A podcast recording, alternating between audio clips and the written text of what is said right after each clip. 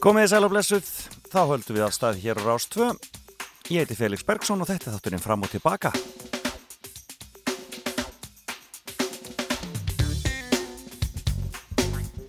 Já, það var blöytt hjá okkur hér í höfuborginni morgun. En ég er ekki frá því að gróðurinn hafi bara verið gladur að fá þessa dembu á sig. Var orðið ansið þurft. En það var rign næstu dagana og, og það er bara eins og það er hér hjá okkur.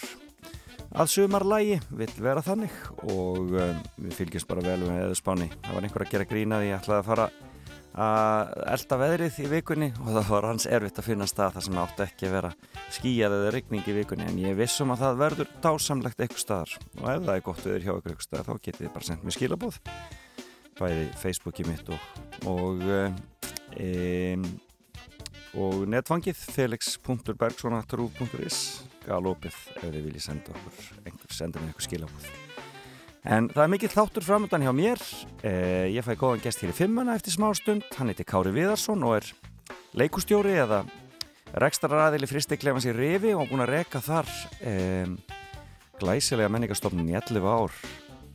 Og hann kemur í hörku fimmu, það eru fimm dagsetningar í lífið hans sem hann ætlar að fara með okkur í gegnum og það er mjög dramatískar og flottar sögur.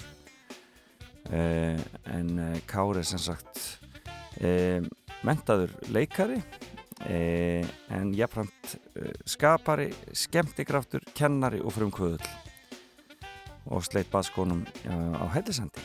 En við heyrum meira þessu hér á eftir. Svo ætlum við hengi í Skagafjörðin, e, heyra þar nýtt lag. Það er ný skag fyrir svefla í tilefni af afmæli golfklúpsins í Skagafjörði. Við ætlum að heyra í Kristjáni Bjarnar Haldósinni hér á eftir forman í klúpsins og svo ætlum við að heyra hjá mælist barni dagsins það verður hér eftir nýju Frettageturinn enn í sumafríi og höfum það þannig en lægið það er frá 1962 enda er það eitt af þeim árum sem kemur fyrir í tímaflækki með Bergson og Blöndal setna í dag höldum okkur þar. Þetta er dásamlegt íslenskt Rækki Bjarna. Heyr mitt ljúvasta lag.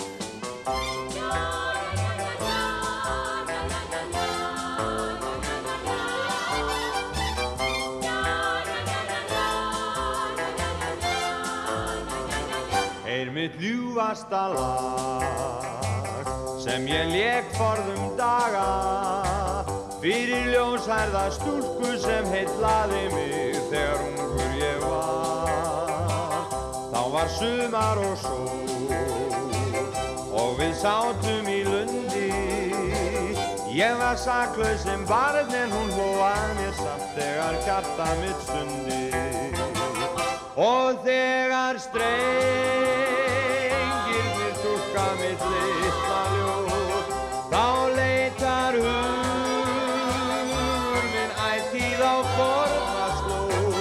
er mitt ljúasta lag þar sem hjarta mitt kallar. Innar ljósærðu stúlkur sem hlusta á mig ég vil heitla þær allar.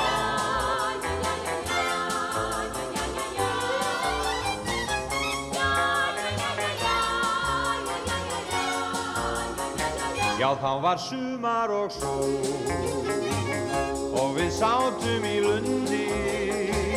Ég var saklaus sem barn en hún hlóað mér samt þegar hjarta mitt stundi.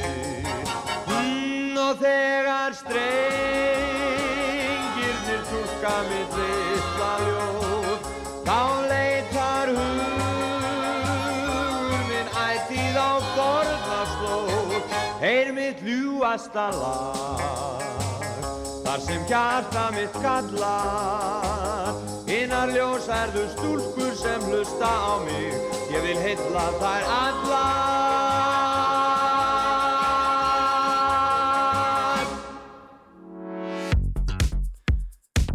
Rækki Bjarnar þarna og uh, heyri mitt ljúasta lag dásanlegt.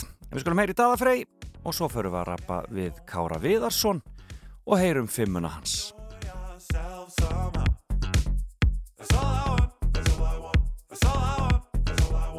Is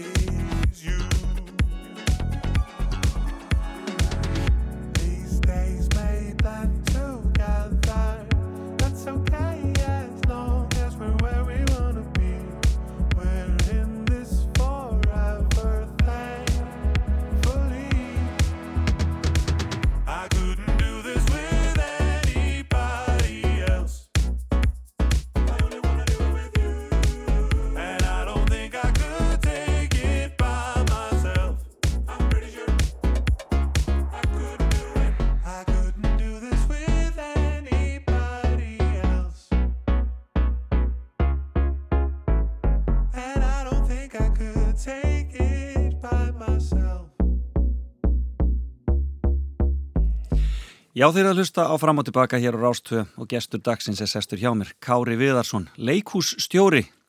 Sestur hér velkomin. Takk fyrir. Fristi klefin í rifi, er það ekki rétt hjá mér? Jú, samkvæmt afa mínum heitnum er það í rifi. Já. Ég held að flestir séu á því að þetta eigi að vera á rifi en ég held alveg mjög fast í þetta í rifi. Sko. Já, akkurat, þetta er aðtilsest. Mm. En þú ert frá Hellisandi uppröðunlega, eða ekki? Jú, ég er sandari.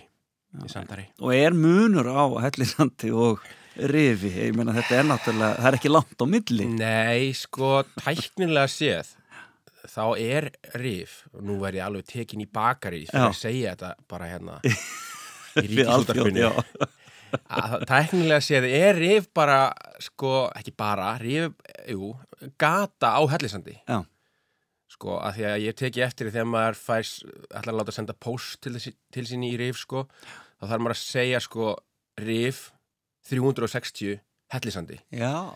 þannig að rif var basically, sko, bara búið til út af því að það var verið að gera þessu höfn Já, einmitt. En er það, er það samt sko sérstætt bæjarfélag eða svolítið? Nei, Nei, alltaf verið partur af af Hellisandi. og, og með gufuskálum líka og náttúrulega einmitt. þegar það var þannig þetta var náttúrulega sko nesreppur utan ennis það var allir bæinni sem voru fyrir utan ólösíkur enni sem eru þá ríf, hellisandi og gufuskálar Mhm. aðeins út í sveitina Já, það var svona, það var svona sameinilegt. já, það er áður en þetta var samina, já Já. Mm. Skemmtilegt. En uh, sko áður við förum í fimmunaðina, hvernig er að alast þarna upp? það er, ó, það er svo mikið forréttindi sko Já. og Þetta er sérstakt fólk sem býr á Snæfellsnesi. Það er, aðeins, það er svona aðeins öðruvís íslendingar, eða ekki? jú, margir vilja meina það sko Já. þetta sé svona pínu þjóðflokkur Já. og, uh, og já, ég, mér finnst það þetta er alveg við- þetta eru miklu sögumenn, við erum mikið sögumenn hana Akkurat. og uh, það er náttúrulega rosalega mikill sagna arfur hana og, og já, bara mikið að sérstöku liði sko, það er það sem gerir það svo frábært að vera hana Og reyka leikús. Já. Sögurnar eru allstaðar. já, það er að nóg að taka í leikhúsinu sko Já. það, ég bara, það er botlaus hérna, gullkista þar Algjörlega. til að vinna með Komum kannski betur að því aðeins og eftir, en Já. svona fimmanning, hún er svolítið sérstök. Þú Já. ákvæmst að fara í dagsetningar. Já, já, ég valdi hérna fimm svona dagsetningar með svona ákveðnum svona momentum sem að bara alveg breyttu mér sko. Já. Bara, ég breytti bara svolítið um stefnu. Svona mótandi, mótandi svona. Eigum við ekki bara kíla á fyrstu dagsetningu þá? Jú, endilega. Já. Það er fyrsta dagsetningin sem er 5. november 1993. 5. november 1993. Já, og uh, það er dagurinn þegar að geimverur átt að lenda á snæfellsjökli. Ef þú mannst þetta því. Já, það gleymir því enginn, það var alveg Já, það var svakalegt dæmi. Og þá bara kemur allir heimurinn til ykkar. Já, og þetta er rosalega yfirþyrmandi. Þarna er ég sko Hvað er ég, gamall? ég er átt ára. Já, Nei, ég er, ní, ég er ní ára. Já. Nei, ég er átt ára, ég er að verða ní ára þarna. Ég er ammælið 13. november já, alveg að vera nýjára og þetta er búið að vera í sko deglunni svolítið lengi að þetta sé að fara að gerast af því að þetta var alveg tilkynnt með einhverjum mánuðum áður sko. akkurat. Það var eitthvað fólk sem að fekk einhverja sín og da da da og geimverðunar eru að lenda þarna og ég sko átt ára gamall er þarna orðin sko alveg fullblón kvíða sjúkt bann Já, bara rosalega ímyndunaveikur ég skil. Og rosalega svona áhrifagjarn svona umhverfinu mínu sko. Já, og mjög trú hérna svona það sem að trúgjarn já, svona auðtrúa. Já. Og afi minn heitinn hann var að reyka ferðarþjónustu á þessum tíma á Hellisandi, hótel, gisti heimili Gimli. Já, skúli afi minn. Og hann nýtti sér þetta moment í sögunni til þess að reyna að gera Hellisand að ákjósalum stað fyrir ferðamenn í november Já, Já. hann var að reyka ferðarþjónustu sem að gekk bara á sumrin, sko, 1993 hann vildi bara fá einhverja smá bónus þarna, Já. í kringum þetta Já. og var alveg að, sko, agitera fyrir því að þetta væri bara satt þetta væri að fara að gerast Þegar hann vissi það að þetta var viðskiptatækifæri líka Já, í þessu, fólki í þessu. Og ég man alveg að afi sagði við mig sko að hann hefði talað við geimverur í síman. Hann væri að fá fax frá þeim sko að þeir væri að koma okkur svona. Að segja þetta við mig svona bara þegar við vorum að hittast félagarnir. Já. Og ég man að ég var alveg skítrættur sko. Og þú tókst þetta mjög alvarlega. Ég tók þetta mjög alvarlega og eins og ég tók mjög margt sem ég sá mjög alvarlega á, á mínum yngri árum sko og langt fram á, á, á fullorins árum er þess að líka sko en, en þetta var alveg að því að með þetta moment þetta er svo far átt en að vera svona lítill átt ára og, og það var verið að gera svo mikið úr þessu það áttu, það áttu allir að fara upp á jökul. Og þú trúður þessu bara. ég trúði þessu og ég þver tók fyrir að fara upp á jökul. Já. það var ekki séns. Ég var ekki að fara Þú ætlar ekki að vera fremstur í flokki þegar... Nei, ég ætla ekki að vera brotnuminn Nei, akkurat. veist, á Snæfísjökli hérna þennan dag. Og ég alveg grét náttúrulega bara og bara, bara grátbað mömmu um að bara passa mig vel og svo, þú veist, pappi fór upp á jökul og ég bara ég bara held í löppin á honum skilur bara please ekki fara skilur ég held bara að ég var að kveðja pappa minn á þessu tíma sko. Þetta er mjög á dramatísk. þessu mómenti sko. Já, þetta er svo dramatíst maður, þetta er rosalegt. Því þetta er svo En hvernig var þá tilfinningin þegar það er síðan bara koma ekki, skilur þá bara þvílíku léttir. Já, og ekkert, ekkert svona, þú veist ekkert fúll eða fannst þú að það eru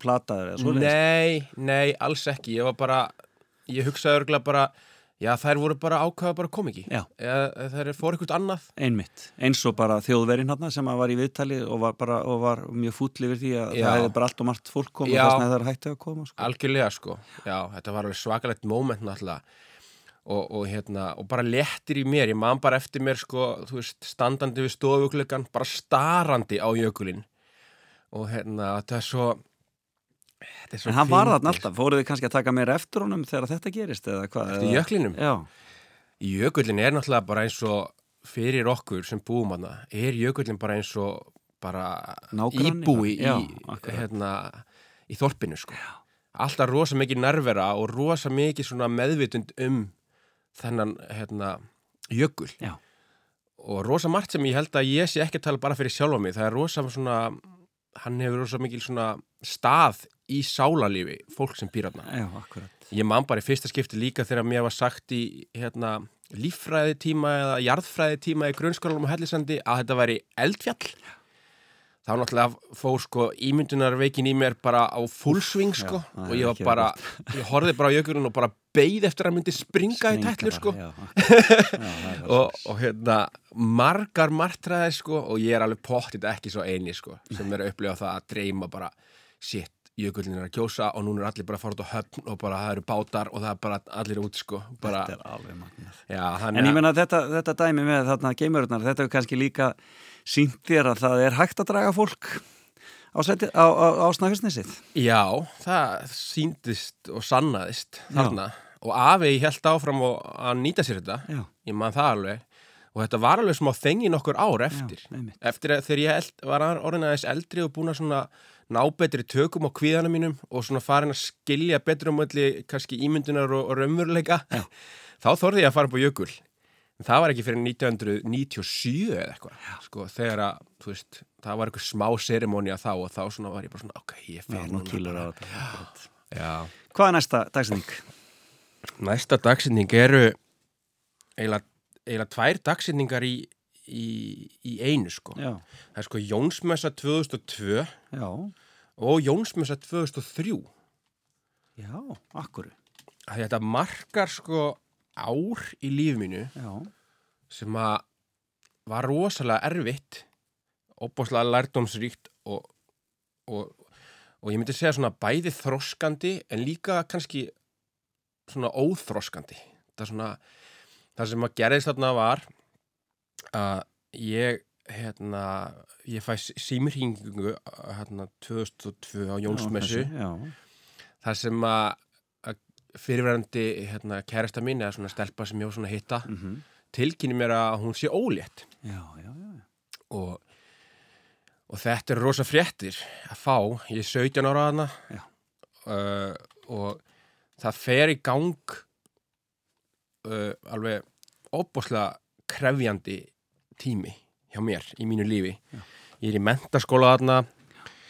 Ég veit ekkert hvernig ég var að díla við þetta. Við vorum ekki saman við tvö. Og uh, það var ekki að döfinni hjá mér að fara að vera pappi og ég man að það bara svona það fór bara í gang inn í mér rosa, rosalegt svona svona hugastríð Já, skiljanlega. og, og hérna, ég náttúrulega sagði fóreldri mínum frá þessu og mínum bestu vinum og svona og, og svo fór þetta að fréttast náttúrulega út bara mjög fljótlega að þetta var að gerast og, og hérna og, og maður er bara svona að berjast í því að þú veist að að að melta þetta Já. og meðtaka þetta Einmitt. að því að fyrstu svona viðbröðin hjá mér sem að maður svona hálf skamma sér fyrir núna eru náttúrulega bara ákveðin svona barátt að gegn þessu Já. þú veist, sem er rosa lélegt og, og hérna maður er bara að hugsa með sér bara ég bara, líf mitt er bara verða búið og 17 svona, já, og, og það er ljót hugsun að svona eftir að hugsa þegar maður er, eftir að higgja þegar maður er aðeins orðin eldri og þroskari þá hefur maður kannski bara að hugsa líf mitt er bara að fara að byrja Akkurat, en, en, en, en það, þú mátt nú ekki heldur vera ofharður við, þú veist eftir afskapla ungur og Já, á já. þessum tíma og Já, kannski já. líka ennþá óþróskaður. já, já, og, og þetta var rosa, rosa krefjandi og En hvað gerist svo? svo bara, þú veist tekum maður tíma í þetta og, maður fer bara að hugsa jákvætt Já. um þetta, Já. maður fer að sjá bara já, þetta er bara dásamlegt þú veist, ég vissi það alveg á þessum tíma að, ég myndi vilja vera pappi Já. ég bara vissi ekki að það myndi gera svona snemma kannski Akkurat. þannig að ég er svona að fera að meðtaka þetta og, og, hérna, og það var alltaf voða gott á milli mín og, og hérna, móðurinnar Já. þú veist, í samskiptunum öllu því það var allt bara svona voða fallegt og, gott sko. Og, og þetta var svona bara eh, eitthvað sem að ég svona fóra að hérna, að bara taka inn og, og, og sjá bara jákáfa björtu hliðanar á því og, og hlaka til. Mm þannig að maður fóra á alveg svakalegt spektrum veist, af tilfinningum á þessum tíma. Og líka það sem að gerðist svolítið þarna var að mér leiði mjög, mjög illa á köplum svona inn í mér kvíi var eins og komið inn á áður kvíðin hefur fyllt mér bara nánast ekki um allt mitt líf. Skil. og þessum tíma þá svona blossaði þetta rosalega upp og, og ég átti rosa erfitt með að tjá mig um þetta. Ég fekk og ég held að sé kannski ennþá þannig í dag að strákar sem að hérna, koma sér í svona aðstæður það er kannski ekki mikil einhver svona hjálp svona faghjálp í bóði þetta er miklu átakanlegra heldur en að ég held að, að fólk átti sig á. Og það sem að viðbröðin voru, hjá mér voru bara ég ætla bara ekki að sína hvernig mér líður. Mhm. þú veist, það er enginn að fara að koma að staði hvernig mér líður í alvörunni, ég ætla bara að vera ég er í framhaldsskóla, þú veist, ég er bara eitthvað töffar í framhaldsskóla skiluru og ætla bara að vera það áfram. Og hérna var ekkert að ræða þetta við neitt þú veist, á hverju dýft og, og ég held að þarna hafi ég kent sjálfur mér svolítið vondan ósið að bara að, bara, loka inn í já, að bara Mm. loka á hluti sko. Bara loka og bara, þú veist hunsa þetta sem, hvernig mér líður ég var svona, Ég held að það er miklu algengara meðal kynbræðar okkar heldur en, heldur en, heldur en við þórum að, að viðkjanna sko. 100% sko 100% og er, sko. er, er, er uppspretta margra vandamála. já, og bara hefur örgulega fyllt mér Já, líka, akkurat, svona eftir á að hyggja Já. svona ákveðin Eftir þetta meina. já, ég held það, þú er svona ákveðin svona varnar Auðvitað. hérna, En hvað gerist, þetta. en hvað gerist svo? já, Það fæðist barnið og... Já, það sem að gerist sko í þessu er að þetta er alveg svolítið mögnu saga sko. Að þegar það er svona eitthvað gengi á sem meðgöngu þá, þá kemur það að ljósa að ég er kannski ekki alveg 100% þá sem að hérna, er faðurinn kemur það upp úr krafsinu sko. Ég skil, já. og allt í fínu með það já. það bara gerist og er svolítið skrítið að díla við því þá er ég svona, wow, ok þú veist, ég var svona, já ég er hérna 100% að fara að vera pappi en það var bara einum degi var það bara, ó, ég er kannski bara 50% Já. möguleiki að vera pappi og þá var þetta allt, þá fór, þú veist, snýrist þetta allt í 100 ringi viðbót Já. í haustum á mér og hérna og ég er hérna að því ég er að reyna að vera svo sterkur út á við sko að að sko það er fyrir að brjótast út í sko í svona líkamlegum einkennum, ég bjó með besta vini mínum hérna, Aronni á þessum tíma vorum að leia saman, báði svona sveitastrákar í borginni eitthvað og ég man að Aron var ofta að segja við mig bara, Kári, þú ert hvað er að þér? Þú veist, ég var komin á þessum tíma, var ég komin svo mikið að kækjum. Já, Þetta bröst út, sko, stressið í mér og, og, hérna, og kvíðin, það bröst út bara í líkamlegum kækjum. Já, hérna ég er. Þetta var ógeðislega fyndið á köflum,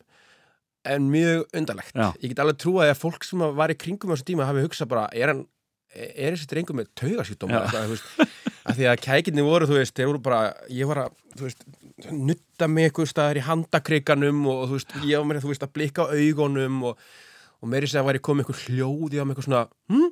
eitthvað svona skríti hljóð Magna. og Aron var bara, drengur, hvað er í gangi? Ég bara, hvað er að þið maður? Ég bara, svona er ég bara.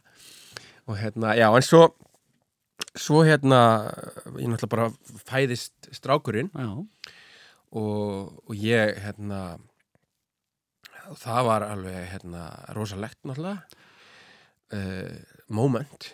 Ég er hérna búin að náttúrulega alveg ákveða það að ef ég er pappi þessar stráks, þá vil ég standa mig. já, já, verða, verða góðu pappi. Já, að sjálfsögðu og ég á alveg frábæran pappa þú veist, hann er bara topp þú veist, topp tíu pappi í heiminum sko, alveg örgulega, ef ekki bara topp einn að mínum að því, sko Já, besti pappi sem þú átt Já, alveg dásanlega, sko ég hef alltaf hugsað að ég ætla að vera svona eins og hann, sko og, og ég hugsaði bara hvað myndi hann gera í þessum aðstæðum og hann náttúrulega myndi bara taka ábyrð Akkurat. og vera bara góður En og, hvað gerir svo Jónsmessu 2003?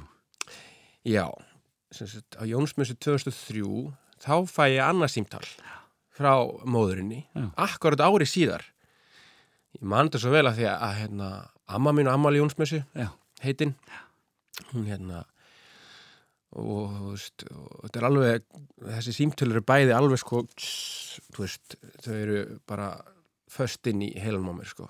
Og þá ringir hún í mig og hún segir mér ég ætla bara að láta þið vita að, að hérna, þú ert ekki pappin Já, það kom sérst nákvæmlega ári síðar. akkurat upp á dag sko Þetta er makalist. já, og, og hérna og það er alveg rosalegt sjokk um, alveg svona opbúslega undarlegt um, ég var þarna, ég fór og ég, ég hitti hérna hennan litla indislega strák Já. þegar hann var nýfættur og ég held á honum Já.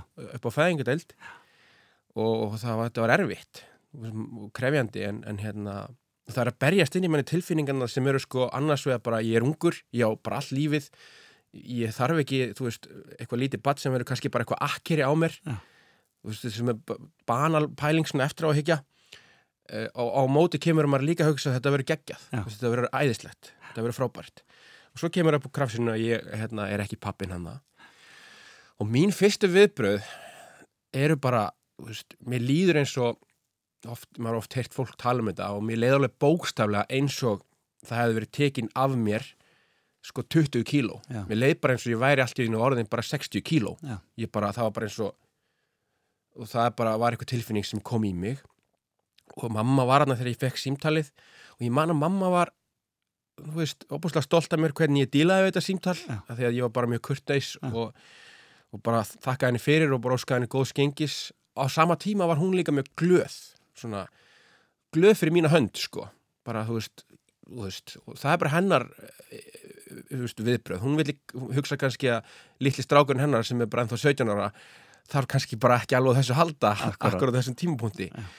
og hún er ekkit einum það að hafa haft þessi viðbröð, þegar ég segi fólki frá þessu strax og eftir, þá er allir bara yes, þú veist og, þú veist, og maður og ég fer að hugsa, já þetta eiga að vera viðbröðin mín. Já. þú veist, svona mér að líða En þú upplifir ákveðar sorg kannski. Já, ég svona, það var, já, það var sorg í mér, það var ákveðin svona eftirsjá að því að ég var búinn að gera mig tilbúinn í hitt, en á sama tíma þá áhrifin af því að allir eru svona glaðir, þá fer maður að hugsa með sér, já, ég er bara glaður líka, Þetta er þetta er bara er og ég fór bara að hugsa, þú veist, ég er bara þjóðháttíð og, og hérna, og ég er bara á djamni, skiljum, og bara, þetta var bara geggja, 18 ára bara. Já, frjálsa ný. Já, og svona, ég oft pælt í þessu og mikið sko í gegnum árin. Að þetta var uh, kannski svona ekki alveg viðbröðin sem að þetta var ekki úrvinnslan sem að ég þurfti á að halda. Nei, nei. Og ég held að þetta eigi við ennþann dag í dag með strákar sem lenda í þessum aðstæðum sko. Þetta er alveg magnað. Þetta er, en það, þú veist, hvað er rétt og hvað er rámt í því? Já. Það er uh, næstu því vonlaust að, að, að hafa á því einhverja skoðun, sko. algjörlega sko, algjörlega en þetta hefur svona sittið í mér og alveg mótaði mig sko Ertu eitthvað í sambandi við þessa konu eða hefur hitt hana strák?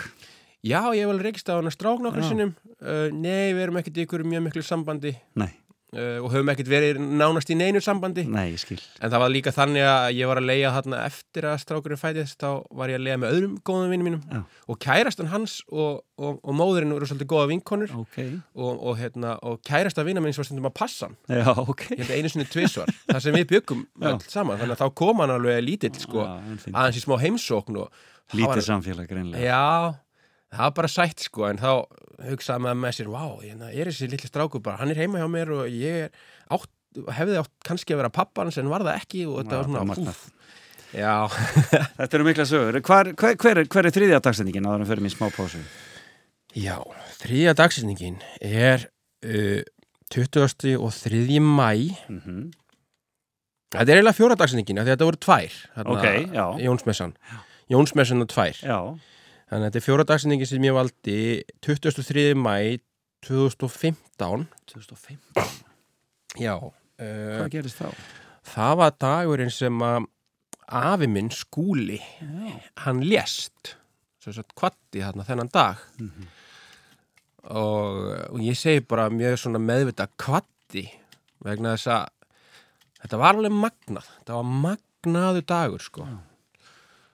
Af því að fyrsta lagi afi minn skúli að var svona kall sem að við bara trúðum því hann myndi bara ekki deyja.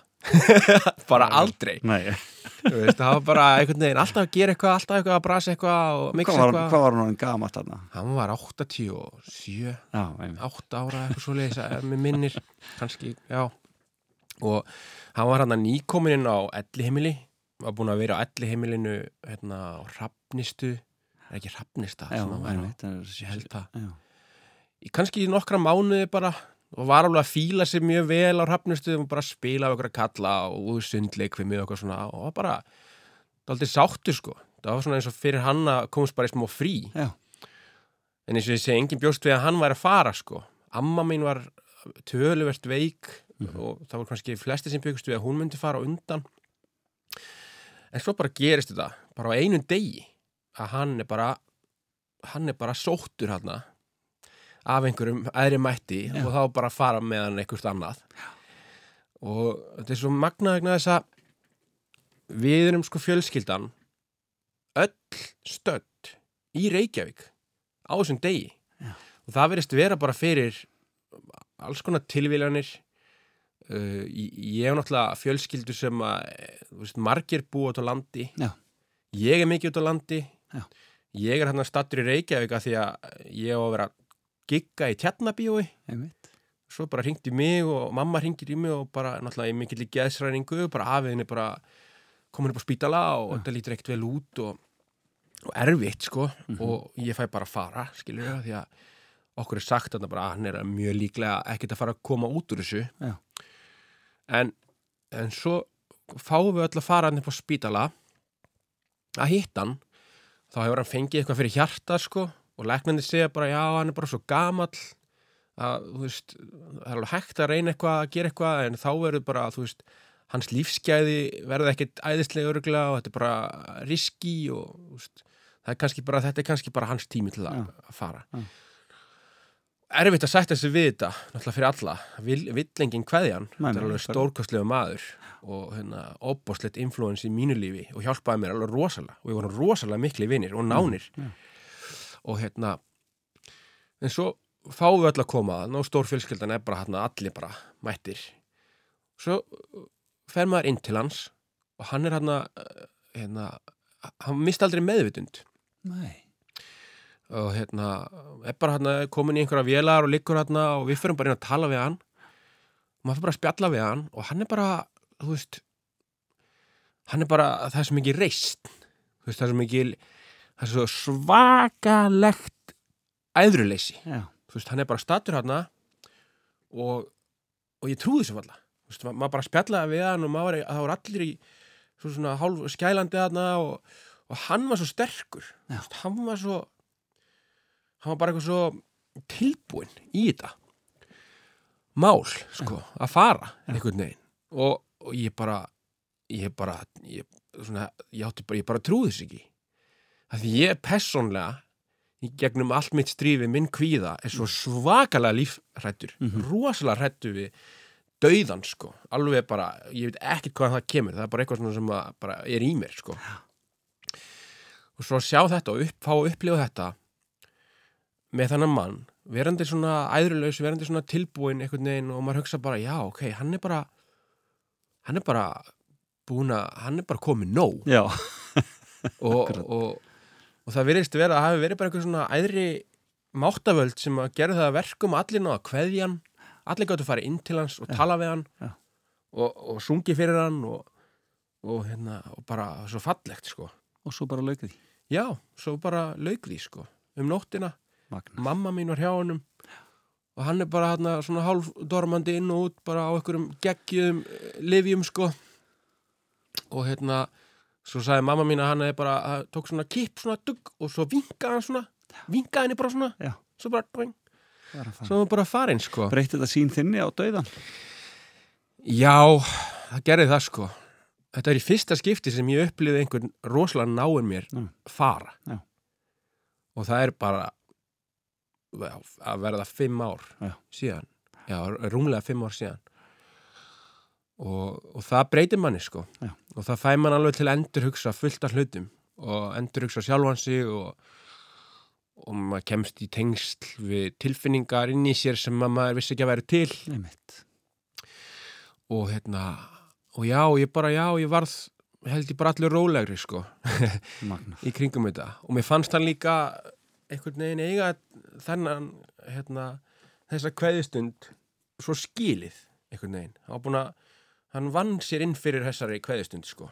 Bara, og þetta hefði maður hugsað sko ef hann hefði átt að fara þetta var bara besta mögulega svona situation sem hefði getað skapast. Hann var ekki típan til að liggja veikur einhver staðar og geti ekki gert neitt sko. Þannig að Magnað. þetta var geggja sko Við skulum taka okkur smá pásu. Já. Kári Viðarsson situr hér hjá mér og er að fara í gegnum fimmuna sína. Við erum búin að fara í gegnum fjórar dagsetningar af fimm. Mm En þú ert með lag sem að þú valdur, við skulum heyra söguna hér á eftir. Þetta eru Smiths og There's a light that never goes out.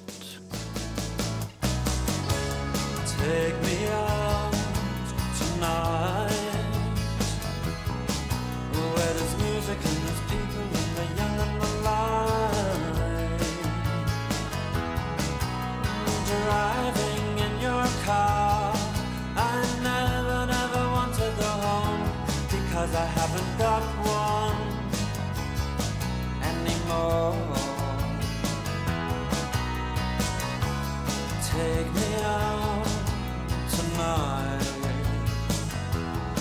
Because I want to see people and I want to see life.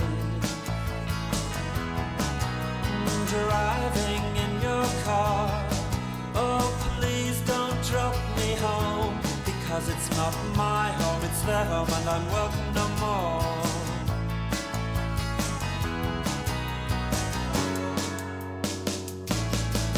And if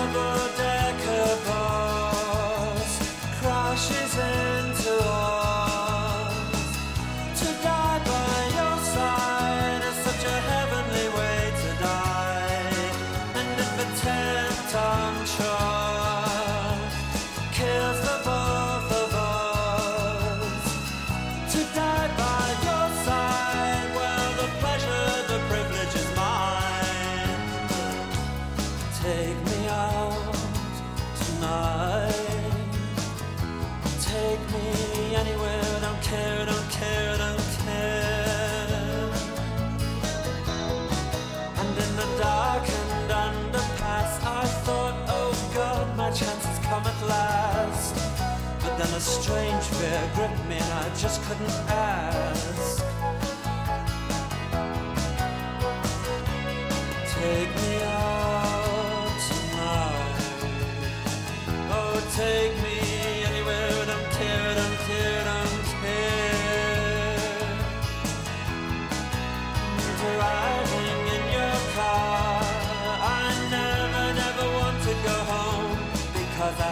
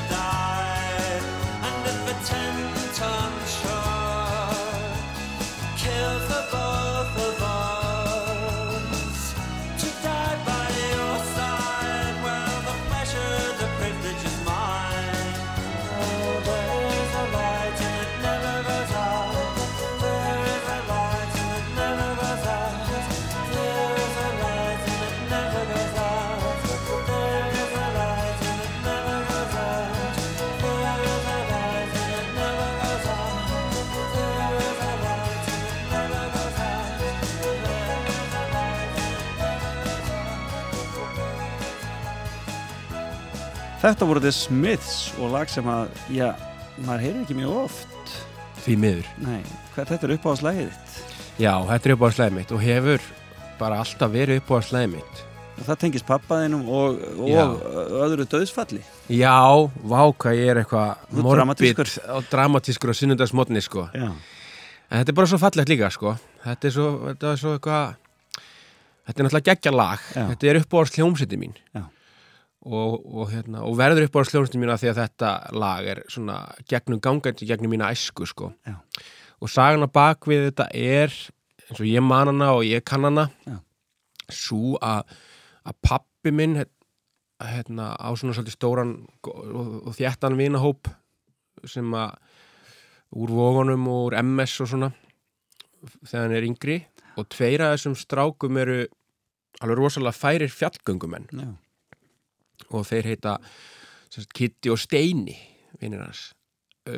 Þeir ákveða hann að ég held að þessi 1988 fyrir ekkar 89 að þeir ætla að klífa Puma Rey sem er í Nepal Mm og er eitt af Himalaya fjöllunum ég held að það sé bara við hliðin á Mount Everest. Einmitt. og alveg svona svolítið fjall sem á að vera pínu erfitt að klífa en þeir eru mjög svona, þeir eru svona topp klífukataldir á Íslandi sko þessi tvei strákar á þessum tíma og svo bara lenda þeir í snjóflóði vantarlega Já. og bara hverfa Já. og bara og deyja en finnast ekki sko og, og pappi ég er þarna svolítið lítill þannig ég man eiginlega ekkert eftir þessu sko en þetta hefur vantarlega haft rosalega áhrif á pappa minn Einmitt. En pappi minn segir mér síðar þegar að, hérna, við höfum oft hlusta mikið á þetta lag og hann hlusta mikið á þetta lag og segir mér söguna frá því að, að hérna, áður en að þeir fóru til Nepal þá gaf Steini pappa þessa plötu Já. með Smiths sem heitir, light, nei, sem heitir hérna, The Queen is Dead. Akkurat, bara eina bestu plötum allar tíma sko. Og þetta lag er á plötunni. Og hann segir við pappa pappi, þú- nei hérna hann, segir, hann kallar náttúrulega ekki pappa Nei. pappa sinn sko, hann segir viðar hérna þú verður að hlusta á þetta lag. Já. og pappi bara svona já já ok, bara veist, pælir ekkit rosa mikið í þessu en eftir að þeir tínast þarna þá fer hann rosa mikið að hlusta akkurat á þetta lag. Og þetta er svo fallegt lag. Já. þetta er svo þetta er alveg sko Smiths sko at the top of their game. Þetta er bæði rosa svona melankólist náttúrulega lægi sjálft er alveg gorgeous. Og svo er textin þú veist, hann er um vináttuna hann er um fegurðina þú veist, hann er um von. Já. og að trúa að hérna, there's a light that never goes out einhver staðar er eitthvað ljós sem að bara sloknar aldrei á. Og hérna Og svo Ég- fundust þeir að lóka. já, þeir fundu síðan bara núna fyrir tveim, þeirra árum. Og ég alveg klökkur að tala um þetta sko. Þetta er alveg makarist. Já, og hérna, já, þeir fundust þá. Og þá held ég að við komum svona ákveðin lokun á þetta. Já, því mann ég að talaði, ég talaði við pappa um þetta og hann sagði, sem er rosalega algengt eins og þegar menn farast Já. á sjónum og svoleiðis og, og, og hérna og líkin finnast ekki Nei. þá bú, búa menn sér oft til sögur sko. Og ímyndunarafli fæ svolítið lausan taumin Akkurat. eins og pappi sagði mig, hann sagði, ég hugsaði bara rosa oft og dreymdi mörg ár eftir að þeir væri bara þú veist, munkar eitthvað stær í Tíbet eða, eða bara mist minnið eða alls konar. og hérna, ég ger eins og leiksningu með Freydísi vinkonum minni sem hafði mist pappa sinni í sjóin sko.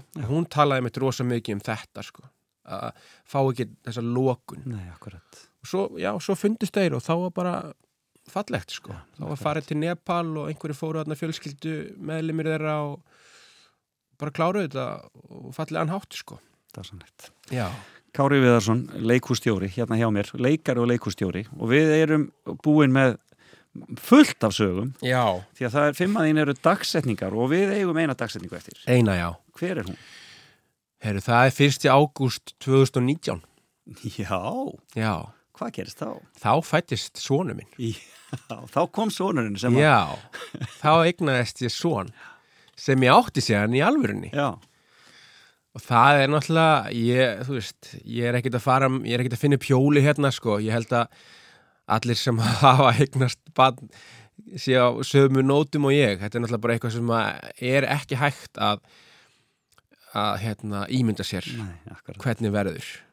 Fannst þú þekkjan þegar þú helst á hann fyrsta sinn? Já, pff, já, já, já. Ég var bara, þú veist, það var ótrúlegt dæmi sko þú veist, hann var svo rólegur Já, og hann hefur alltaf verið Já. það þegar að hann er með pappa sínum þá er hann bara eins og ljós sko, sem slöknar aldrei á og hérna og þetta er bara ólýsanlegt Já. Ég veit ekki hverju ég valdi þetta fyrir útvarpið því að ég segi ólýsanlegt, það er bara ekki að alla hægt að lýsa nei, þessu, algjörlega, akkurat já. það er samt bara eins og eitthvað hérna, inn í manni losni og læðingi Já. einhverjar, einhver svona ást einhver svona einhver svona vendunar uh, tilfinning sem að maður hugsa bara þú veist, ég myndi láta stræt og klessa á mig hundra sinnum eða myndi, hérna, ef ég myndi þurfa þess fyrir þennan dreng Já, akkurat. Og nú var hann að verða einsás hann er alveg að vera einsás og hann er alveg jafn dásamlegur og ef ekki dásamlegri og þegar hann fættist. Já. og það er bara gjöf sko, bara draumur. Hver einasta sekundar sem ég á með þessum dreng er bara uh, þú veist bara besta sekundan sem ég á á þessum degi sko. Dásanlegt, mm. dásanlegt Já, En uh, sko, þessar sögur, þetta eru Þetta eru rosalega magnaðar sögur sem þú er búin að segja okkur hér. Þú ert, þú ert eins og segir, þetta er- er mikil sagna, þetta er mikil sagna staður, Snæfellsnesið. Já. Og er þetta það sem ítir inn í leiklistina og inn í leikhúsið? örgulega einhverju leiti Já, uh, ég held að það alveg móta mig bara strax á mínum bara yngri árum sko. strax þarna þegar geimurinn lendu ekki. Já, ég held að, ég hef alltaf verið með mjög aktíft ímyndunarafl Já, og, og hérna og alltaf viljað Já. segja sögur. Og, og, og elst upp líka í kringum mikið af sögum, það er rosa mikið lesið fyrir mig. Já. þegar ég er lítill strákur þá pappi les rosalega mikið fyrir mig. Og hann les ekki bara svona badnabækur fyrir mig. Ég held að sé vegna þess að hún hefur kannski bara leiðsta Já. að þurfa alltaf að lesa fyrir mig badnabækur þannig að þegar ég er bara mjög ungur þá er hann að lesa fyrir mig heimisbókmentir sko, fyrir svefnin Já. Hann les fyrir mig sjálfstætt fólk og, og hérna bara Lagsnes og við lesum góðadátan Svæk. Veist, þetta eru 500 blasjur ég er, ég er veist, 6 ára eða eitthvað þegar þessi lestur á sér stað. En alveg til í það. já, alveg til ég sko. Og ég þurfti enga myndir sko, ég þurfti bara orðin til að hérna, og bara viðbröðin frá pappa mínum sko. Pappi var líka að lesta bara upp á sína einána og hann hló mikið og fannst þetta gaman og þá fannst mér þetta gaman líka En hvert ferðu svo á stað þegar þú ferð að læra? Þú, ferð, þú ekki hérna, lærir ekki hérna heima eða? Nei, ég lærði út í London. Lærði á svona samtíma sagt, svona svolítið svona nýjar aðferðir og það var farið svona svolítið um víðan völl, við fengum svona grunn þjálfun í mjög mörgum svona tækni atriðum við vorum ekki að fara á dýftina í kerfið eins og margir leikarar eh, þú veist, kannast við, Já. svona Stanislavski kerfið, við fórum alveg í það en ekki droslega djúft Mhm. við fórum meira í veist, grímuleik og samsett leikhús og alls svo áttu konar. eftir að fara víðar, ég las að þú hefði verið í Eistlandi eitthvað. Já, ég var í Íslandi sem skiptinemi Já. og það var rosalega lærdómsríkt það var bara svo rosalegur ægi Kynast austur-euróska leikhúsinu aðeins. Já, að kynast leikhúsinu þarna var alveg frábært Já. Og uh, að sjá hvernig leiklistaskólinn hann fungeraði var alveg dásalmætt þetta var bara, þetta var algjörlega andstæðan við það sem ég var að gera í, í, hérna, í London Já, akkurat. þetta var bara eins og að mæta veist, í, í stríð veist, að vera bara gerður að stríðsmanni Bara herægi, já, já. rosalegur ægi, rosalega mikil viðvera sem er rosa gott, var rosa gott fyrir mig í þennan tíma sem ég gerði það Brilliant. sem var bara mitt skiptinám en þegar ég talaði við suma af nefndunum sem voru að klára þarna þá voru nokkrar þarna bara veist, þetta var bara búið að ganga úr langt. Já, ég skil. það voru nokkrar sem voru bara og ég man það alveg sérstaklega það var eitt strákur, hann var svo frábær trúður. Hann var svo geggjaður trúður og svo fyndin og skemmtilegur. Og ég var að segja við hann að spjalla við hann hann að þeir voru að útskrifast. Ég bara gerir ráð fyrir því að hann væri bara komin, þú veist, fastræðan í eitthvað eitthvað sirkus eða eitthvað dæmi, sko. Ég fara eitthvað að spjalla við hann og bara eitthvað, "Eh, nú er þetta bara klárast í okkur og bara, ertu ekki bara, þú veist, spendur að fara að byrja að gera eitthvað og komast úr þessu skóla og hann bara hann sagði, sko, veistu það, ég er bara fyrir lungu búin að fá nóg, sko ég ætla bara að fara í, ég ætla bara að fara í herin Já, það er bara svo þess. Já, meikar hann vildi freka að fara í herin heldur en að fara út í bransan Já. af því að hann var bara þú veist þessi ægi sem var í þessum skóla hann var bara búin að fara of langt sko. Hún að fá á því. En, já, þetta verður magnað, magnað að kynast þessu. þetta var rosalegt sko En talandum vaga, þú ert uh, bara, og kannski talandum svolítið um svona snæfisnesi, þá, Mm. þú veist, uh, koma úr þessum, uh, þessum grunni þar sem að maður þarf bara að gera hlutina sjálfur, ef Já. að hlutinir eiga að gerast. Mhm. Og þá setur þú hérna, fristi klefan í gang fyrir 11 árum síðan. Já, Og það er Það- nú aldrei búið að vera æfintýri. það er búið að vera svo lærdomsríkt maður. Það er búið að vera gekkja, já, ég, ég, meit, ég var í svona námi þar sem að það var lögður rosa mikil áherslu á frumsköpun Já, og að vera hæfur í sko öllu, sko að geta lagt sitt að mörgum á öllum sviðum Já. leiklistar, bæði hönnuninni og í leikstjórninni og í dramatúrgíinu og öllu. mhm. Þannig að það bara lá beina stuð þegar ég kom heim að ég myndi byrja að reyna að gera eitthvað sjálfur. já, starta bara þínu eigin leikus. Já, sem og ég gerði og Og hvernig stendur þetta núna? Þetta er bara, Bara- bara, þú byrjar á að setja upp síningu sem er bara hérna, byggð á sögum af Snæfellsnesi, já, jú, byggði á Bárðarsögu fyrsta sýningi Bárðarsögu, akkurat, einmitt. og svo gerði ég sýningu sem var byggð á söguna af Axlabyrni Einmitt. og svo gerði ég sögu sem var byggð á geimverulendingunni. Já, þú gerði það. Já, 2107 hér tún. Alveg rosalega skemmtileg sýning og við tökum hana öruglega einhvern tímann aftur upp, hún var alveg sérstaklega fyndin og ruglingsleg. Þó þú segir sjálfur frá. Já, þó ég sé sjálfur frá. Það var svo gaman að leikana, það var svo gaman að leikana því að þessi saga af þessari geimurlendingu, hún er svo larger Hún er alveg mögnuð. Að sko, fólk sem kom og við leikum hana bæði íslensku og ennsku og sérstaklega útlendingar sem komu, þeir heldur bara við varum bara að ég hefði bara skrifað eitthvað fiksjón. Ég hefði bara búið þetta til og fólk kom til mér eftir sýninguna bara, hvernig dati þetta? Hvaða bulli, þú veist, hvernig gast- gati látið þetta í hug? Ég Þetta bara, bara- ég let mér bara ekki detta neitt í hug þetta bara gerðist. þetta bara gerðist og, og flest sem var sett í það leikrit er bara orðið eftir búið viðtölum og bara og blagagreinum og það er bara fólk að bara, vá En það er mikill dagskráð í sumar. já, mikil dagskrá, mikil viðbyrða dagskrá Já. Hvernig, hvernig nálgast fólk þetta best? Er bara að finna ykkur á Facebook eða? já, finna okkur á Facebook, það er bara fristiklefin og fristiklefin.is þar eru allar, allir tónleikanir okkar allir viðbyrðinir sem við erum með í sumar Og svo er þetta gista líka. gista líka og bara, og bara, já þetta er bara mjög romantist og næs og Bara skemmtilegt dásan Koma þetta að fara vestur. snæfellsnesi. Gæti, gæti ekki verið betra. Nei, Ég segi bara kæra þakki fyrir komuna, Kári Viðarsson. Gaman að heyra sögurnar þínar. takk hérlega fyrir að bjóða mér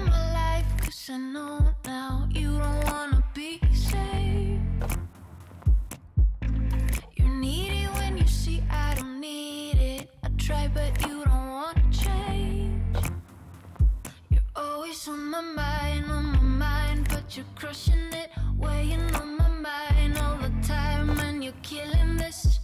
It's a funny little thing when you try to control me, to own me, and it backfires.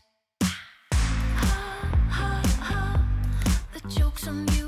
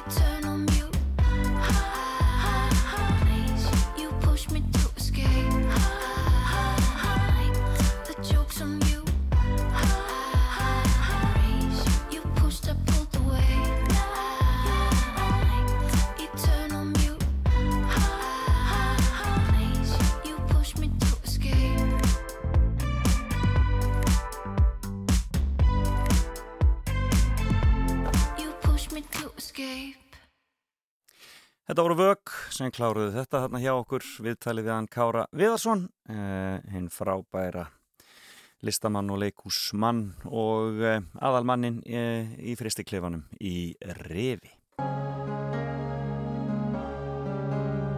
Sunnudagssæla á Rástfö Fram og tilbaka Já, og það fyrir að líða að nýju fréttum hér hjá okkur á Rástvö eh, og eh, eftir nýju þá ætlum ég að gera ímislegt skemmtilegt, ringja í Skagafjörðin og ringja í Amalisbardagsins fréttagetunin ennþá hjá okkur í sömurfríi, höldum því þannig, já svona miskusti, eitthvað fram í ágúst og um, þannig að um, þá, já, um, heyri ég einhverjum skemmtilegum í staðin, það er nú bara alltaf þannig, en e, e, við skulum bara fara að gefa yfir á tilkynningar og yfir til fréttastofu og svo höldum við áfram hér í þættinu fram og tilbaka á Rástvö. Rástfö Fyrst og fremst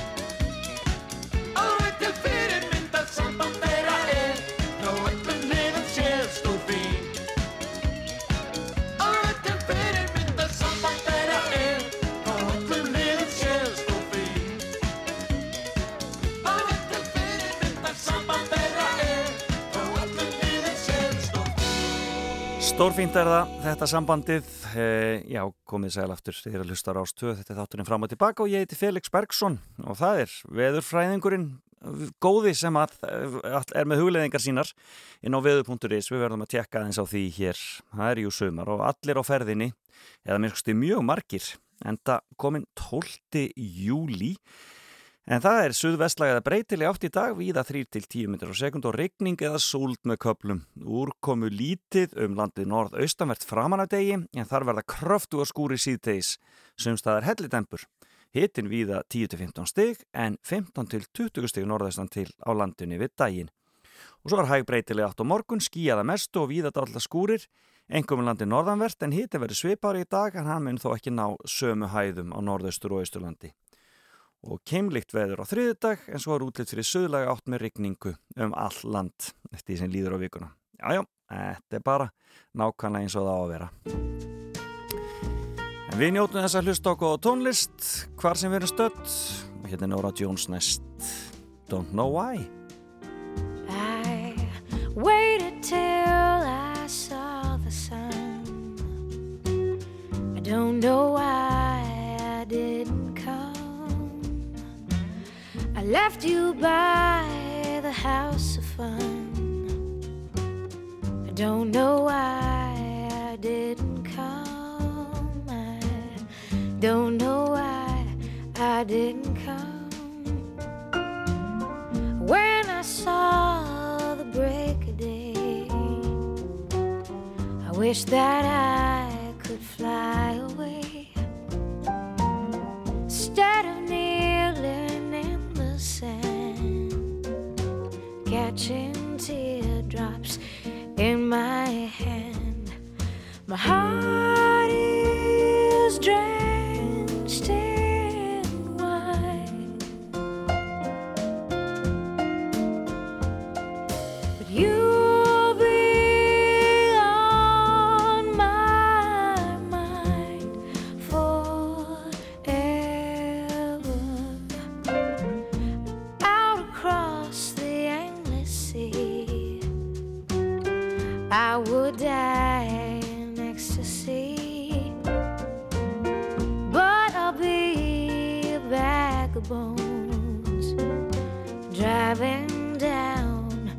road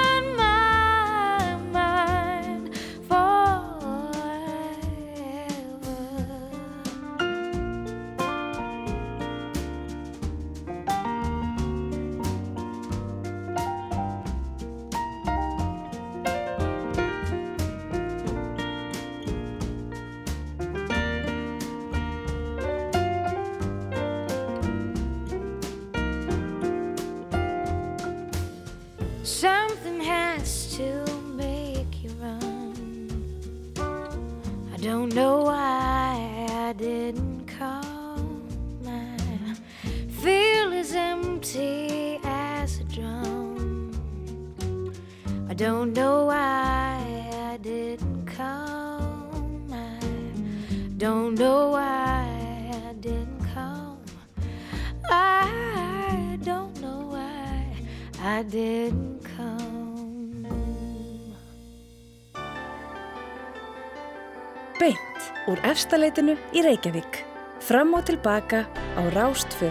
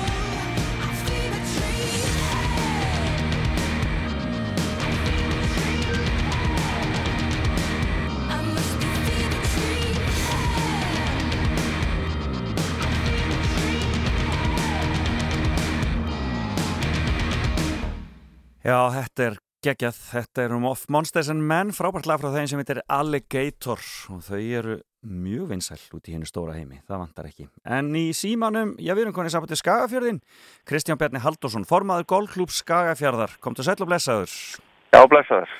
og til aðmyggjum með ammælis árið Já. ykkar. Takk fyrir það. Þetta hefur verið stórt ár 1970 þegar Golklúbur Skagafjörðar var stopnaður. Já, það var það. Það var fórreindar rólega stað en, en hérna hefur farið mjög vaksandi síðan. Já, hvar var, var þá komin völlur hjá ykkur uh, fyrir norðan, þá strax?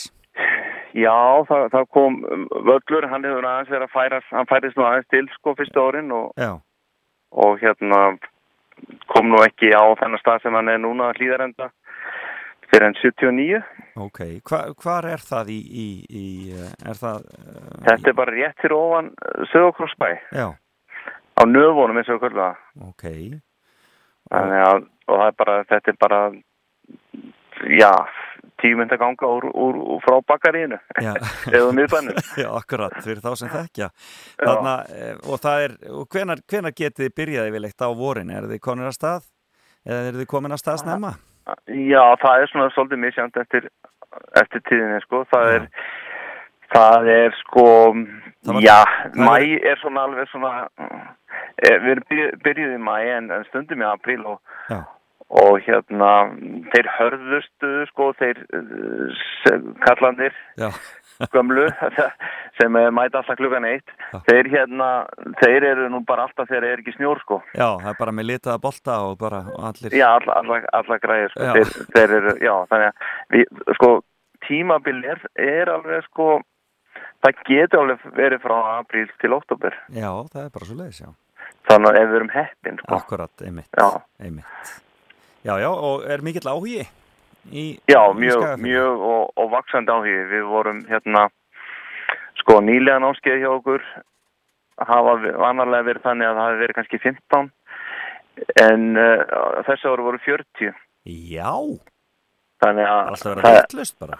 já, já, þetta er, menn eru bara, já, fólk er bara með mikinn áhuga. Það, það er, það er raunin allt, allt með okkur. Við erum búin að auðlýsa okkur vel og kynna okkur vel og Uh, svo breyttum við nú nafnin á klubnum úr, úr golfklubbi Söðokróks í golfklub Skagafjörðar og, erum að höfða til allra í Skagafjörði. Já. Það var náttúrulega kannski tímabært að því að sveitafélagi heiti núna sveitafélagi Skagafjörður og það nú hann langt síðan að súbreyting varð. Þetta átti í rauninni eftir að fylgja sko. Já, Og já, ég finn fyrir miklum áhuga. Það er, það er hérna, það er alltaf, það er svona vaksandi, sko, að nýlegaðnir er að koma á völlin meira og þó- þóra náttúrulega að sjá sig- sig þar og, og hérna, erum við gott barn og ólingastarf og þannig að já, það er bara allt með okkur og svo náttúrulega eru sko aukin svona ferðakilvingar eins og við kalla á. já, Það er svona aukin strömmur þeirra, það er náttúrulega, fólk er að ferðast innan lands Já. og við finnum fyrir því. Já, akkurat, og þeir eru að, þeir eru að koma að heimsækja ykkur. Já, við erum með sko völlurinn er í okkar er í hérna þetta er svona fallegur en krefjandi sko nýju hóluvöllur og, Mhm. og í toppstandi. Og þannig Já. að við er að stoppa við. Já, og það er Og- bara Og hvað, lofa, ha, og hvað ætlið að gera svo á ammælisárunni? Er bara, er, er eitthvað sérstök mót eða? já, við erum við sko fyrsta leið þá gáðum við svona ammælis ritt Já, þar sem að þar sem að voru hérna sagan var rækin og við tölum við félagsmenn og, og greinar og fleira sko. Svo var ammælismóti í júni og það var bara með þáttaka þar. Tókst mjög vel. Já. og svo er svona hugmynd að vera með ammælis hófi í haust þegar að svona nær eh, innum eiginlega ammælstegi frábært. þannig að já, Þannig að það er bara ímislegt gert sér til skemmtunar. já, Og, er, er, og uh, hvernig finnst þér stemningi fyrir norðan? Er ekki bara þó, þrátt, kóf og, og það sem því fylgir? Menn bara bera höfuð hátt eða hvað? algjörlega mér, mér finnst bara bara mjög góð stemning sko Já, það er það er hérna, það er bjartið við höfum verið heppin með hérna veður já. Sumar er verið sumar, sumar er búið að vera mjög gott og, og það er unni Ég, ég mæli stemningunum sko bara upp á golfvelli því ég er, er svo oft þar. Og hérna og, og svo stemning er allavega góð. Það er gott að heyra, gott Já. að heyra. Heyrðu en það er e, lag, sko, þetta er náttúrulega þegar það komir í golfi, þá er það sveiflan og, og það er, þetta er auðvitað skakfis sveifla sem þið stundið þarna fyrir Jú, jú, norðan. jú, jú, þetta er þetta er skaffisfjöfla Já, eins og hún gerist best. Þarna, hva, hvernig, þarna, þetta lag, segðu mér aðeins frá það, þú semur þarna lag sem að svona í tilefni, tilefni ammælisins. Já, já, svona, þetta er nú svolítið mitt enga framtak, sko og, og hérna uh, það má, jú, jú, það má tengja það ammælisárunu Já. en, en hérna uppalega samt í þetta nú þegar ég var sko 50 ára Já, já, já, ok. og flutti í ammælinu mínu og, og, og, og Geirmundur spilaði undir og, og söng Það getur náttúrulega engin annar en geirum þetta flutt lag af þennan, Nei, nei, nei, toga, sko. það er bara, Já. en svo breytti ég textanum sko Já, svona í millitíðinni þá, þá, þá breytist útgóða lagsins og fór í jólalagi kemur ásett 2 þetta er búið að fara sem sagt. Já, þetta er búið að marknýta nýta þetta lag og hérna en svo breyti ég textanum núna og, Já. og, og gerði svona golfteksta ég hugsaði sko þetta er fullt af hestamannalögum Tókst út stekkjastöður og settir golf í staðinn, sem sagt. og já, ég hugsaði sko ég meina hestamannalög okkur ekki golflög Akkurat, algjörlega. og, og hérna svona verandi í skaga fyrir því sko að, að þess að að sýta við hestamönnum Já, en, en hérna og þannig að ég, ég smelti þetta og, og fekk Róbert Bakara já, sem að hérna er nú ansi, ansi öflugur. Já, bæði sem bakari og söngvari. Einmitt. og fekk hann til að við rendum í stúdíu og, og hérna tókum þetta upp. Og já, og lægi er sem sagt það er komið, því bara á ég smelti á Spotify og, og hérna þetta er bara, já, komið út Frábært. Gaman að því. að, já Nú býðum við bara eftir, þú komst í hlæðið á hvítum golfbíl. Ha, já, það getur næst það getur næst. Heyrðu, Já. kærar þakkir fyrir spjallið Kristján Bjarni Haldursson og kærar og til innilegt til aðmyggju með 50 ára amali golfklúps Skagafjörðar. Takk kjærlega fyrir Við það skulum heyra skakfiskasveiflu. Takk fyrir Takk. spjallið. Já, já, Bless.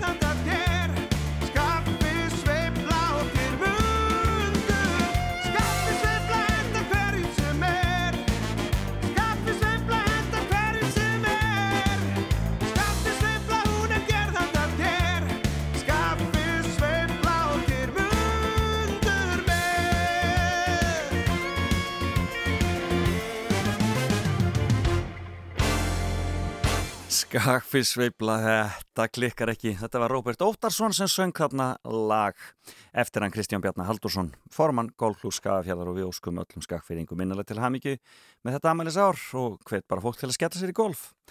Og fyrst við erum koðan norður, eigum þá ekki bara að halda okkur fyrir norðan, syngja næstum Húsavík. Þetta kannast margir við. Enda lagið sem að hljómar og er eitt af, já, topplögum á íslenska Spotify-listanum fyrir dagana. En ef þið kunnið íslenskuna þá skulið þið hlusta vel.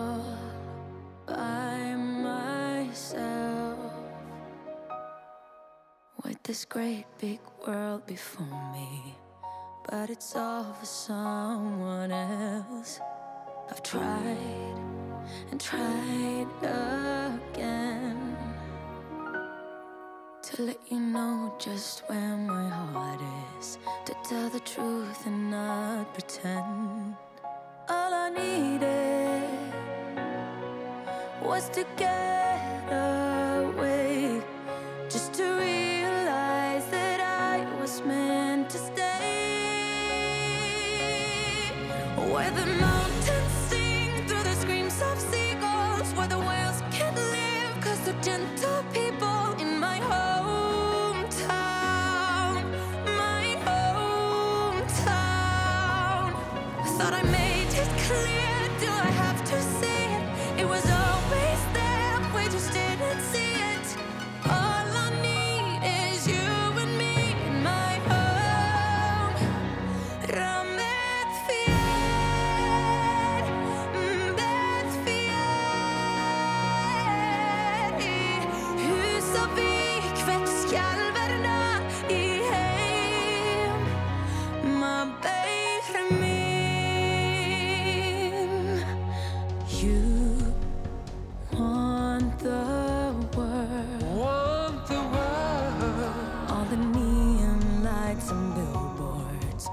be seen and to be heard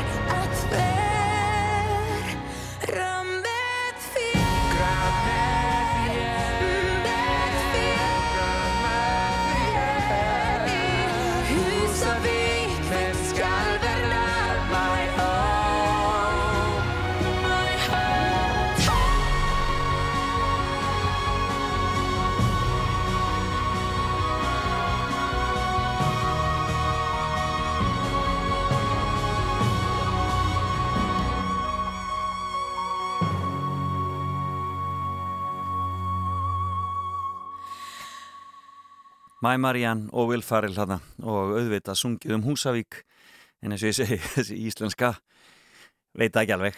Þú ert að hlusta á Fram og Tilbaka með Felix Bergsinni á Rástfö. Dansar upp við mig. Hún hægir á heiminum Þegar hún reyfir sig. Láð mér að kynna mig Ég er allt áindi Ekki þekkti lengi en ég sá þig dansandi. Það er eitthvað heitlandi við holninguna á þér. Kemur mér jafn að ég ger en þá að ná mér. Wow. Sumar stelpur eru sætar bara á netinu. Aðra virk eins og þær gerir það að atunu Hata kynast fólki eins og þér á djáminu Kottu baksins baby, nú erstu með bondinu. Kottu nær síndu lit. Þú veist hvað ég á við Nær síndu lit Hún veit hvað ég vil. Dansar upp við mig. Hún hægir á heiminum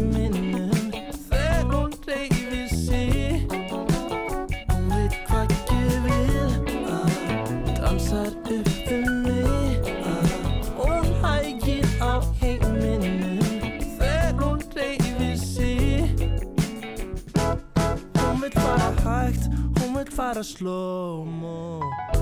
Ég sé að hún er góð, góð. Svaka kroppur góls, góls Viltu fara hraðar, vó, vó? Sem að geta getur eins og mis Getur gett alltaf án þess að banda sig uh. Brakkar að branda ríki Legst niður, þau getur mér standandi uh. Svaka symmetrís Algjör draumadís. Hún er einhver lík. Hún veit hvað ég vil uh. Dansar upp við mig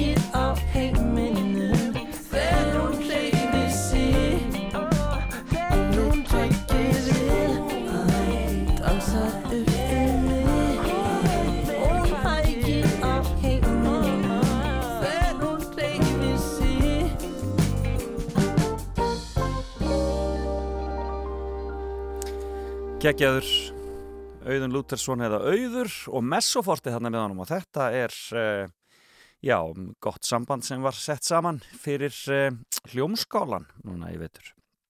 Gaman að þessu. Uh, mikil dagskraf framöndan okkur hjá okkur á Rástvö í allan dag. Sunnudasmorgun Jóns Ólafssonar hefst hér eftir smástund, klukkan tíu og ég veit að Jón er með skemmtilegan vínil í farteskinu í dag sá eitthvað um það hjá honum á Facebook. Með grunar að það sé. Ég hljómsveit sem ekki hefur heyrst í mjög lengi frá, frá því á nýjunda áratögnum það kemur betur í ljós hér á eftir. Og um, svo eftir háti þá er það sumarsögurnar sem að Jakob Birgisson sér um hér hjá okkur í sumar. Og um, hann náttúrulega stand-up maður eða svona uh, uppistandari og grínisti. Og uh, er mjög á þeim nótunum í þessum þáttum sínum. Það eru gaman að sjá hverju verið gestir hans í dag Síðan er það tímaflækið okkar eh, Bergson og Blöndal sem hefst klukkan þrjú e, og, e, og við ætlum að fara til árana 1952, 62, 72 og 82 og e, það er margt spennandi og skemmtilegt þar í gangi og svo er það geimt en ekki glemt klukkan fjögur og það er Þossi sem með þátt dagsins í dag Það er fjallað um eftirminnilegur og áhugaverðar íslenska hljómplötur og í dag er rætt við meðlemi Guskus um plötuna Arabian Horse. E, þátturinn um aldamótapopparna er síðan eftir fréttinnar klukkan 6 og svo er undir aldan á sínum stað og sportarásin, þannig að þetta er bara allt eins og það á að vera. Þannig að e, fylgist áfram með okkur hér á Róstöðu. Ég ætla að fara að ringja í Amalispar dagsins og um, já, hann kemur víða við og sérstaklega ef það eru gig við skulum heyra í Ingo áður en við heyrum í Amalspatinu Kvöldi gig inn á nýjum stað. Fólkið allt í kringum mig virðist vera að fíla það. En engin veit hvenær ég kem heim. Týndur einn í myrkrinu kem allt og allt og seint En eitt kvöldið einn á stað með gítarinn og réttutnar En enga hugmynd hvernig þetta endar. Inn og út úr partíi með peninga og áfengi Og minningar sem langt best væri að henda. Allir sem að þekkja mig sem er að betra líf Býði en ég neita samt að lenda. Því kvöldi gikk inn á nýjum stað Fólkið allt í kringum mig virðist vera að fíla það. En engin veit hvenær ég kem heim. Týnd Týndur eitt í myrkrinu kem allt og allt og seint. Samtilag fyrir löngu síðan Livði á því í langan tíma. Vonandi þá gleyma skamlar syndir. Eitthvað nýtt á hverjum stað Mér fannst ég samt aldrei vera þar. Skrítið oft að skoða gamlar myndir Engin sem að þekkir mig Hvetur áfram þetta líf En á móti strömmnum áfram syndi. Því kvöld er gikk Inn á nýjum stað Og fólkið allt í kringum mig Virðist vera að fíla það. En engin veit Hvenær ég kem heim. Týndur eitt í myrkrinu Kem allt og allt og seint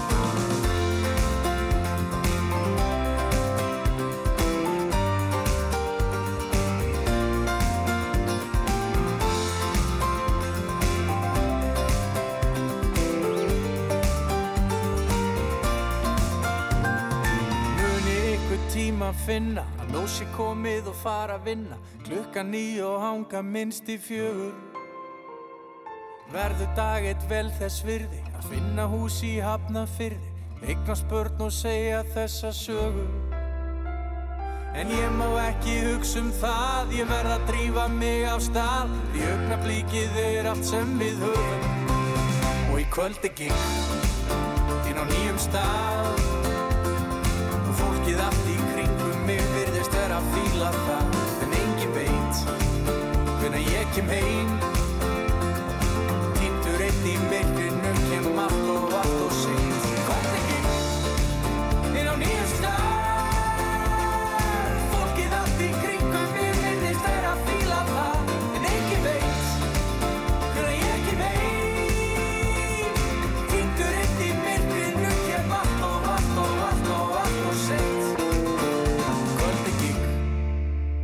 nýjum stað Og fólkið allt í kringum mig verðist vera að fíla það Já, þetta var Ingo Eðguð og í kvöld er gikk og það á mjög vel við þegar við uh, heyrum í Amalisbarni dagsins sem heitir Friðger Bergsteinsson. Komdu sæll og blessaði Friðger.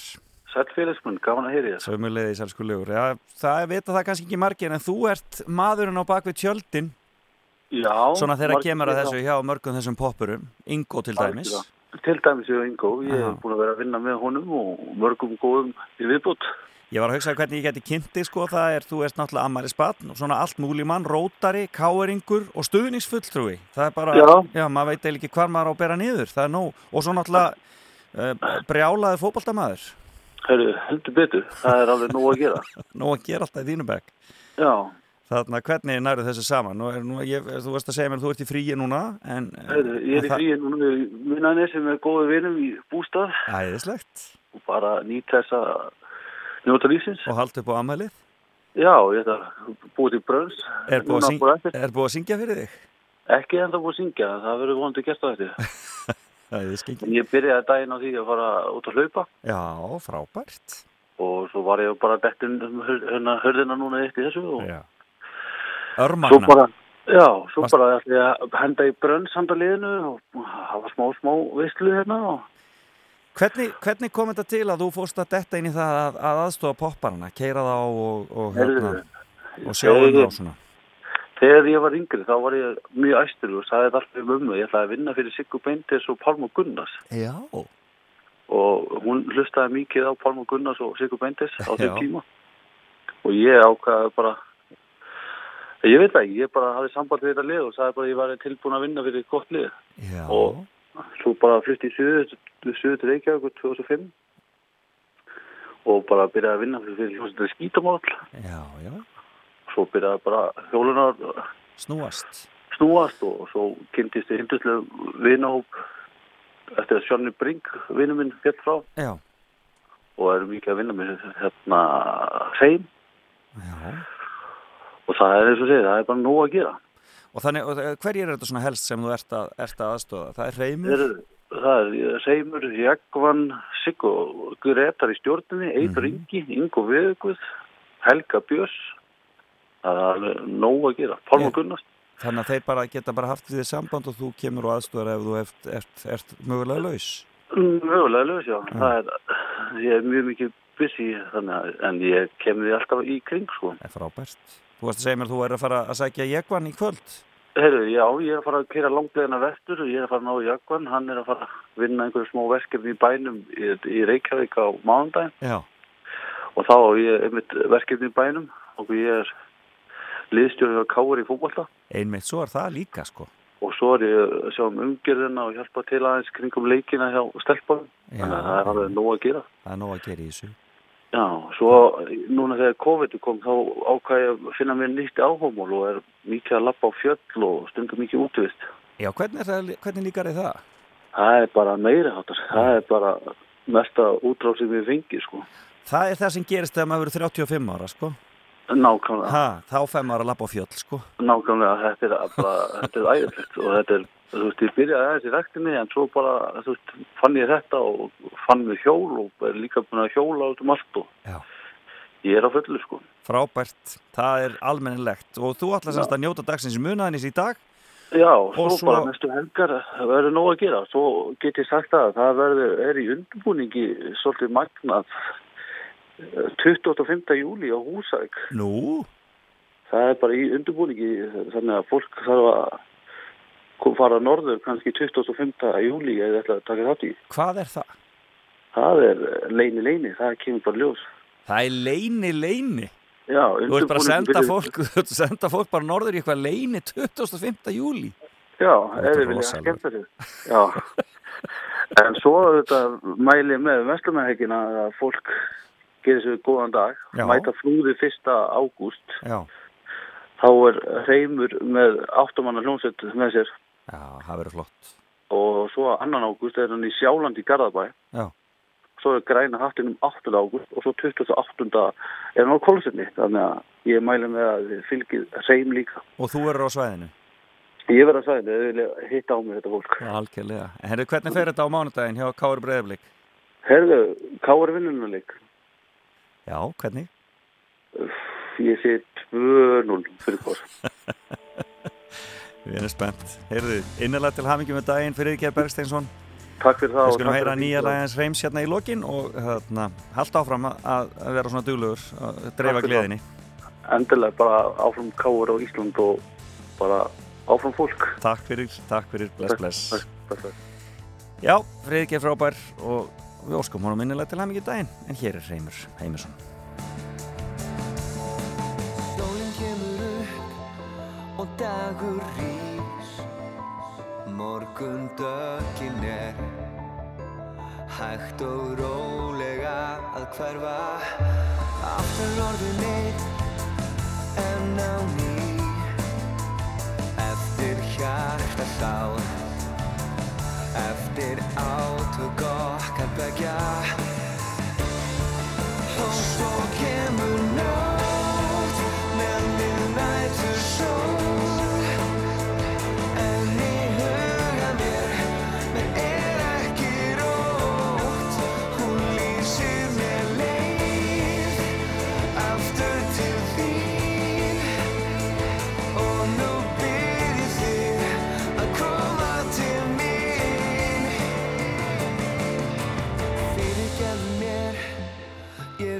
af stað.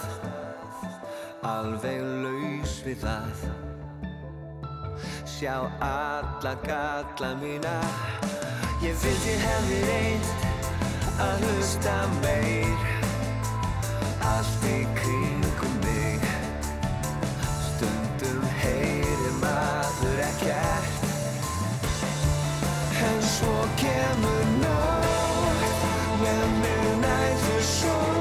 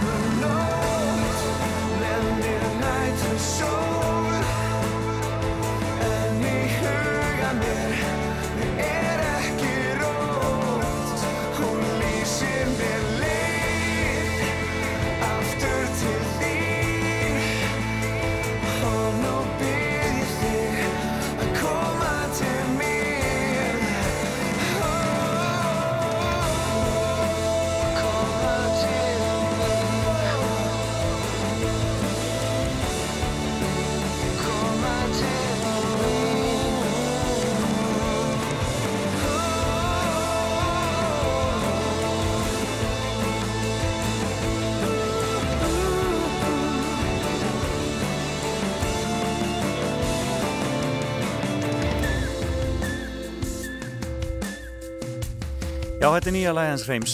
Það heitir eh, uh, Midnightur Soul og uh, bara príðilegt pop frá þessum ágæta poppara. Og eins og eh, uh, Fridgjær sagði, þá eru hreimur á ferðin í sömar. Eins og svo margir aðrir, bæðið mestarmanna Helgi og, og aðrar Helgar og hægtan á honum, já til dæmis á flúðum. Fram og tilbaka á Rástföð.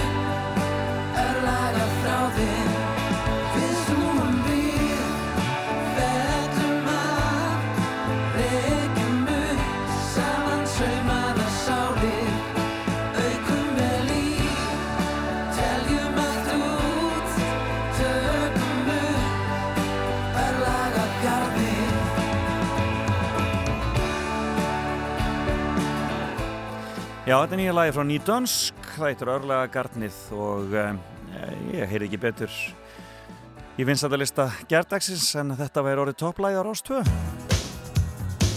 En hér er nú eitt gamalt og gott, gamalt topplæg, munið til þessu, þetta eru Womack og Womack.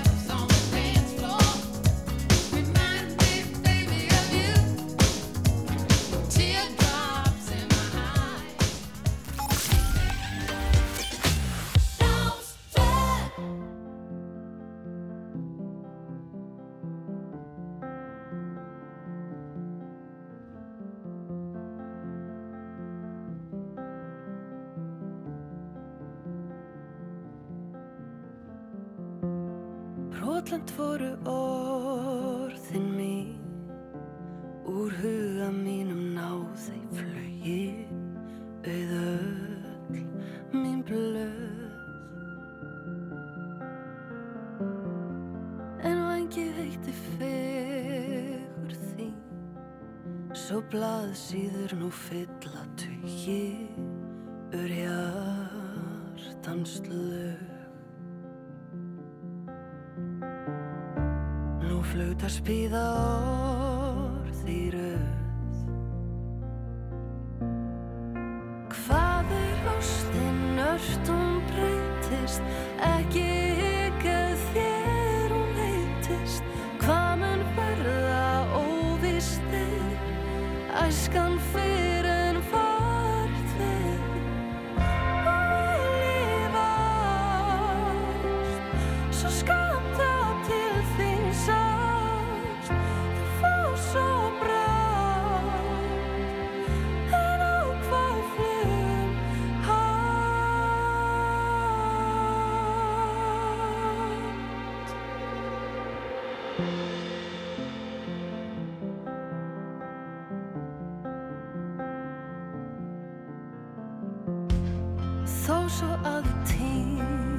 tímann saf Sest nú hafið þúsund sólir.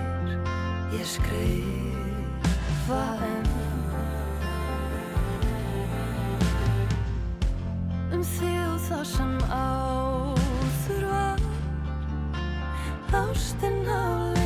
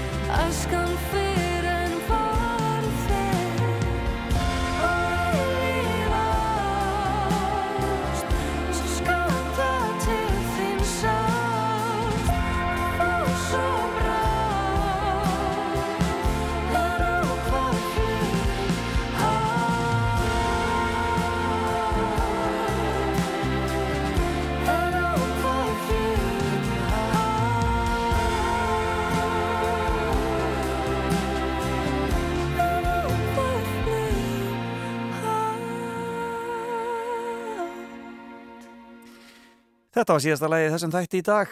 Þetta var GTRN og uh, lag úr um, leiksýningu. Þessa leiksýning var í þjóðleikursinu. Shakespeare verður ástfangin og um, mun vera lag eftir þá bræður Fririk Dór og Jón Jónsson. Hvað er ástin? Fallega gert. En þetta er búið að luft hjá mér hér í morgun. Jón Árásson tilbúin að taka við. Fekk frábæran gest hér í fimmuna, það var hann Kári Viðarsson. Ég hvet alla til að koma við í fristiklefanum í Rifi í sumar. E, bara keira snæfisnesi, dásamlegt. En hann er búin að reka þennan e, fristiklefa í 11 ár, þannig að hægt að gista og líka njóta menningar, mikil dagskráð þar í allt sumar. En hann var með fimm dagsetningar hand okkur og þær voru heldur dramatískar. Það var dagsetningin 5.11.1993 þegar geimverðunar áttu að lenda á Snæfellsnesi. Jónsmessan 2002 þegar hann fekk tilkynningum að hann væri að verða pappi 17 ára gamal og svo Jónsmessan 2003 nákvæmna ári síðast þegar hann fekk tilkynningum að hann væri ekki faði bassins hann fór með okkur í gegnum þessar tilfinningar allar þetta var mjög magnað að heyra uh, síðan var það 23.5.2015 þegar Avans fjall frá skúli hétt hann og svo þegar sonur hans fættist 1.8.2019 þannig að þetta voru það var skemmtilegt spjall og verður inn á netinu hér á eftir þannig að þið getið lustað á Kára. Við ringdu síðan í Skagafjörðin heyrðum að Skagfriski sveiplu golfsveiplu frá Kristjáni Bjarnar Haldósinni sem er að halda upp á 50 ára amali golfklúk Skagafjörðar og svo var amali spart dagsins Friðgeir Bergsteinsson sjálfur uh, já, ég hef ekki bara segja hans í superrótari og káringur en ég þakka fyrir mig í dag. Heyrumst aftur eftir viku. Bless bless